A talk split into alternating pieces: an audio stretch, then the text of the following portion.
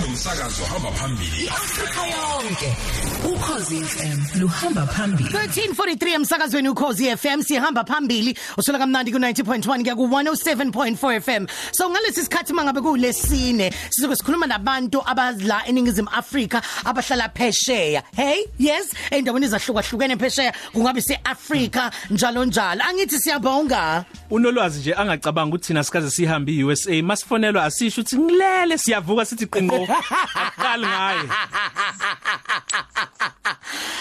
hi nolwazi. Hello. Sanibona omgo. So namhlanje World Hello Day wena nolwazi. Um so ingakho nathi sasajabula ukuthi sigcine sikutholile egcineni sazama ngesonto elidlule kwasho ukuthi asikutholanga. Asazi noma wangabe ukuthi ulele yini. Asikaze sijabule kanje. Oh my g. Nami ngiyajabula bafethu. So sitshele ukephi nendawo wenzani? Ngoba mama sibuke einkundleni zokuxhumana uhamba a- ama states ahlukahlukene usukuphi nendawo ma- okay wa- ya- wa- laqala bombo lakho eh wa- wenzani lapho? Kungani qokwe wena njalo njalo? Eh selfie njengamanje ngiphakathi nayo iNew York sonke isiphithiphithi seceleni kwami. Eh nje ngiyatshela ngiqale eWashington eh ngaleli yasonto so isonto lesithathu leli ngila ngale eWashington ngasuka eWashington ngaya e Portland Oregon. Ngasuka ePortland Oregon ngaya e ngaya kuphi wakithi? Ngaya eIndianapolis ngasuka eIndianapolis ngaya eOrlando eFlorida ngasuka eOrlando Florida ngeza la eNew York. Oh wow. Wenzani? Kungani? Uhamba kanjalo mhlawumbe iholiday um mhlawumbe usingabe khona umuntu usumtholile uyobona ama in-laws akho? Kwenzakalani? eh eh lafethu ngikwenye iprogram yabantu be- besifazane eh, abakwezemidlalo okay? I women's empowerment through sports journalism eh kukhona abantu besifazane abavela emazweni awu 47 eh Oh, wow. ahlukahlukene so eh no- nolwazi machike umele iSouth Africa eh ku- kulo yodwa sifuthi izinto eziningi selfie nje kodwa e- ethinta umuntu wesifazane eh nokuthi singayithuthukisa singayithuthukisa kanjani imphakathi yethu eh ukusebenzisa yona lento esiyenzayo yokusakaza eh, ezemidlalo. Kuningi sikufundayo ukuthuthukisa amazwe ethu nokuthuthukisa thina uqobo lwethu. Mm.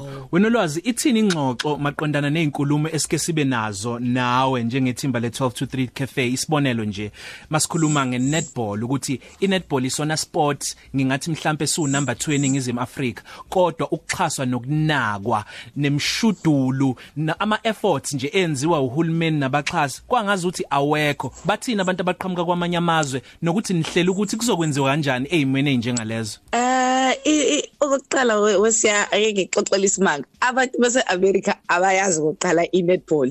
So kwafanele ngichaze ukuthi uma ngabe ngikhuluma ngenetball ngikhuluma ngani? Okokuqala nje lokho. Kodwa uma ngabe sikhuluma eh ngo- ngokuxhasa kwezemidlalo i- i- i- iAmerica ihlukene kakhulu neSouth Africa noma namanye amazwe. Okokuqala nje banomunye umthetho owashawa ngama 80s eh obizwa ngenye title 9 oqinisekisa ukuthi eh bonke abantu ngokobulili babo. Abantu besifazane banamathuba alinganayo kwezemidlalo eh noxhaso nayo yonke into. Lo mthetho ngicabanga ukuthi iwona o central kuyona yonke into eyenzakalayo la eAmerica ethinta ukuthuthuka kwezemidlalo. Ngoba mangabe uzothi uzothuthukisa ezemidlalo ngeke ukwazi ukuthi uthuthukise uhlangothi olodwa noma ubulili obodwa. So lo mthetho usizile kakhulu uqinisekisa ukuthi yonke imidlalo iyaxhaswa eyabantu besifazane eyabantu besilisa ixhase ngendlela elinganayo. Even imholo uholwe ngendlela efanayo. So iAmerica idriver kakhulu vele ezemidlalo. Into abayibeke phambili. So ziningi indlela abenza ngayo. Imithetho yakhona ivumela lokho. Even inkampani ziyazi ukuthi kumsebenzi wazo ukuthi zixhase kunama commissions amaningi. Istate nestate esihamba kusona. Sine commission yaso isport commission yakhona okuyihlaka nje olubhekela ukuthuthukiswa kwezemidlalo. Njengoba se em eFlorida nje sike sahlangana nenye commission ebhekele nje indaba yokuthi fanele ilethe imidlalo emkhulu lapha ya eOrlando kuyimanje basebenza ngendaba ze World Cup. So kuningi guys kodwa nje esports la siyinto ehamba phambili. Even i-entertainment iza ngemuva kune sports Mm kwazise futhi ukuthi sona phela esinemali ke futhi ke sike sibone. Okay sitshela ke ngelezi indawo lezi kade uyihambele. Kunjani banjani abantu bakhona? Eh ngabe iAmerica ilento obuyicabanga ukuthi iyona ngabe ilento ehlele siyibona ku TV njalo njalo wena ah, ngala ma states ahlukene nathi wahamba? Eh okokuqala ngiqale into engithe ngiqale eWashington ayifike eWashington hayi kwavele kwayindawo nje kwabanda kuthi akube sa Pretoria kanjena ku serious akekho umuntu obheka omunye eh Because it's khona i-White House, Pretoria, oh. Yes, ihambile zonke lezo indawo bafethu. Ay awuthi hayi cha impela hayi no sekwezinye indawo manje. Saya eOregon khona eh ku angazi ngathi indawo ekanjani kupholile nakhona awukho nje umsindo omkhulu uzube nakuyibuza ukuthi hayi kade phela America ehlale ngibona TV yabo. Oh eOregon ngahla sihamba kwenye indawo sasi kwenye isentha yakhona sabona amanye amantombazana u2 awasemlazi sho siyabo siyazikhulumela nje nathi Oh, wow. nginako lento ukuthi sihlangane nabantu because sikhuluma ulimi lethu Oh, yeah. abakholwanga bawu2 baya opera ngabatshela ngathi ngizobakhonzela kumina bathi bacela bafonele bafake ohlelweni Oh, so ngayithatha yes. inamba zabo eh so into aba special ngeOregon leyo eh sasuke eOregon saya kufika hambe em e Indianapolis India, yeah. e Indiana yes Indianapolis ne ne, ne Florida into engiqaphele khona ukuthi abantu bakhona banomusa bayabingelelana abanayo lento yala USA ukuthi awuthinti nje umuntu a- awuhlangene ubhekelele ba- banomusa ba- baya welcomeana nje ku- ngathi ukuthi kusekhaya lapha yabo nje Florida ngathi usethekwini hayi eNew York Ah, wema. Anolwazi. Duka Zi- zithini abantu ungathi kuqeda kuma istimela sabachitha abantu bonke bafakele impahla kasiyaye emajebeni laba earphones awu half ayikho umuntu onendaba nomunye umuntu oh my god. Zi- zithini zithini ezepolitiki hayi boys minya minya ungathi kusegoli phakathi.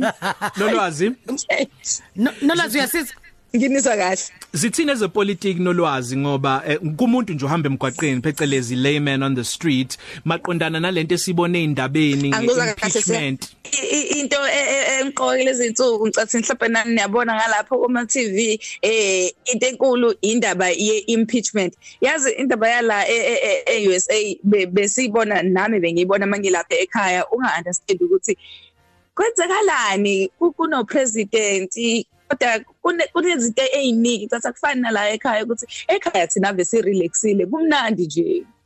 Akukho ukuhlupheka okukhulu. Kodwa njengamanje la kukhulunywa indaba ye-impeachment inkulu indaba wonke umuntu ukhulunywa ngalonto kahle hle wonke umuntu mevuka uvukela ukuthi avule i-TV ke ubheke ukuthi kwenzakalani. Angazi noma ngizothi i-investigation leqhubekayo nje ku serious ke kweze politics shem ku serious and abantu abadlali and njoba usuku ubona ku TV ngazuthi ba serious kanje even abantu abahamba emgaqweni abantu bala banendaba nepolitiki banendaba all right. So uligoqa kuphi kuhamba lakho ubuya nini? Awe ma ngiyaligoqa uhambo lami la eNew York bafethu eh ngibuya awe ma phela kusaye ekuseni la manje ngisazi manje ukuthi ngibuya ngalo kusasa no kodwa okuqalayo ngiyasuka ngomgqibelo la ngizohamba wonke lawo mahora ukuze ngifike ngesonto ekhaya. Oh man siyabonga kakhulu nonolwazi nje futhi ohambile wayolanda lapho yonke into ofike wayifunda. Ubingelele wonke umuntu umuntu batshele ngokhozi FM ubatshele ukuthi siyabathanda. Hawu bafethu ngizonikhonzisa Eh eh zaseke isikhathi bye bye darling khona nama adverts uzombuza ubuyi Bye bye Top 3 Cafe. Ilunch yakho ayifani neyizolo.